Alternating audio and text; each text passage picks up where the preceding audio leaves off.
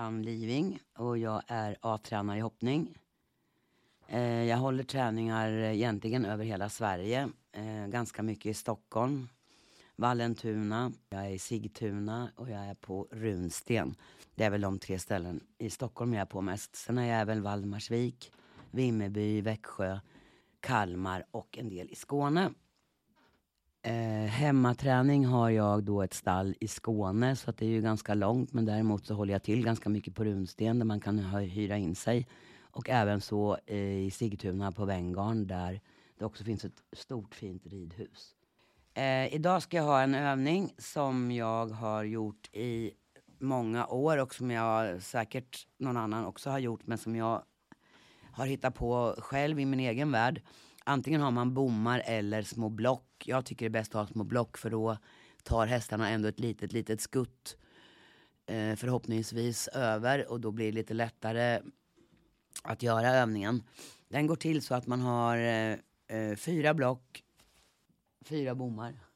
Eh, och så lägger man på, eh, man gör en liten bana, en rak linje med två bommar.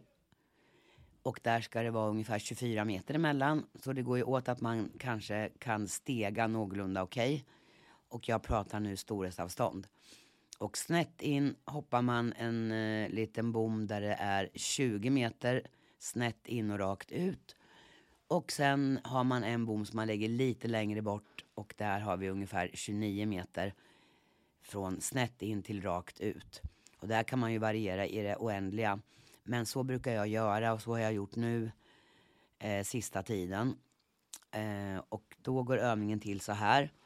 Man börjar ena varvet och rider bara rakt fram några gånger. Och nu förutsätter jag att vi har eh, storhästar och att det är storhästavstånd då. Och då eh, övar man sig på att galoppera på sju steg på den här raka linjen på 24 meter. Och det blir ju jämna, lite korta steg. Och det ska man ju komma in på ett bra sätt, kunna ligga i samma fart hela vägen. Eh, hoppa hinder nummer två och kunna landa i rätt galopp och gärna vara i den galoppen man vill ha även emellan de här hindren. Så det ju, finns ju väldigt mycket att öva på där.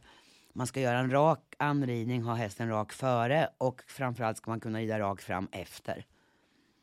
Sen galopperar man lite snett in och hoppar eh, de här 20 metrarna. Och då övar jag på att man ska istället för att sitta med för korta steg få upp farten och få lite längd i steget. Så då får man tänka på att man galopperar lite framåt när man landar, får lite längre steg, att man hoppar in på det första och lätt räcker fram på lite långa steg till det andra. Då har vi hoppat hinder nummer ett och två, sju steg, ställt lite större krav på längre galopp, hoppat in på det tredje lilla hindret, rider lite fram på fem steg och sen har man en lång sväng och vänder in på den sista eh, lilla bommen där. Och där är det alltså 29 meter. Och där ska man då öva sig på att dela av vägen för hästen kanske är lite stark och springig då. Så att man kan dela av vägen i två delar, eh, få en liten halvhalt emellan och rida åtta steg och vara klar.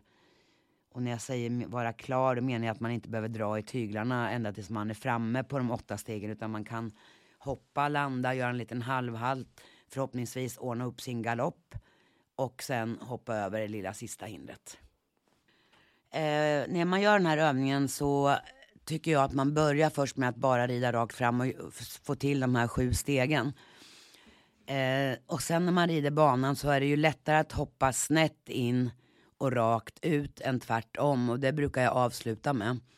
Sen har jag också för det mesta med lite duktiga ryttare så tar jag bort ett galoppsprång på flera linjer. Så jag rider sex steg, eh, jag fortsätter med de här fem stegen för de är ändå ganska mycket framåt.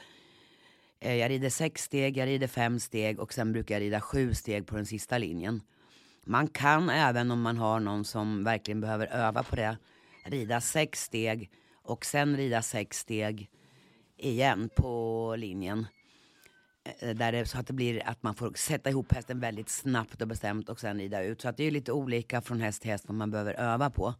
Men en väldigt bra övning, man kan göra den här varannan dag för det sliter ju noll på hästarna. Och ryttaren får väldigt mycket anridningar och får öva sig på att se distanser på låga hinder.